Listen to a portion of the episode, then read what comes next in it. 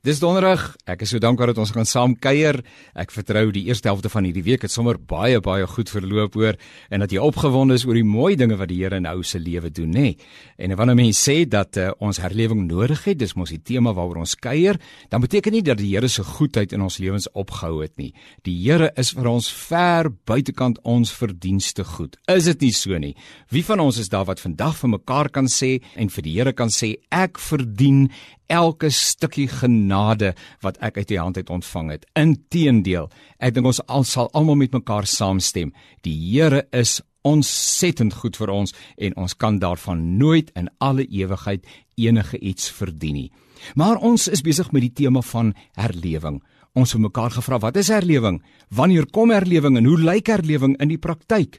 Nou gaan ons weer aansluiting vind by Openbaring 3 vers 17 waar die volk sê: "Maar Here, ons is skatryk," of dan veel eerder vir hulle self dit sê: "Ons het niks meer nodig nie." daarmee bely hulle eintlik hulle eie geestelike armoede, want 'n kind van die Here sê eintlik vir hom: "Ek kan nie genoeg kry van U nie." Soos 'n wildspok wat smag na waterstrome, so smag ek na die lewende God en die intimiteit wat vloei vanuit 'n persoonlike en ook 'n gesamentlike korporatiewe geloofsverbondenheid en ons vind dit veral met ander woorde in die erediens waar ons so heerlik saam rondom die woord van die Here kan kuier.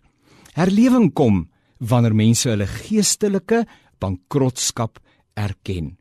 Daar's mense wat onmiddellik penorent staan en sê ek wil hiermee nie deel nie, ek wil hiervan ook niks weet nie.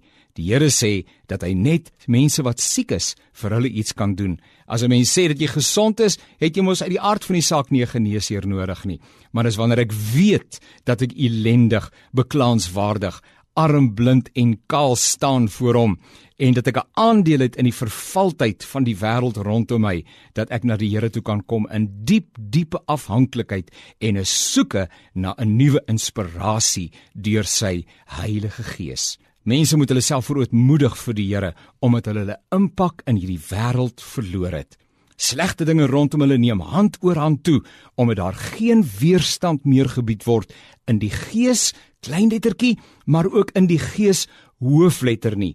Nee, Christene mag nie lewe in ontkenning en ongeërg wees oor die slegte dinge wat in die wêreld gebeur nie. Ons het die Here nodig. Kom ons bid saam, Heilige Gees, kom herleef u gemeente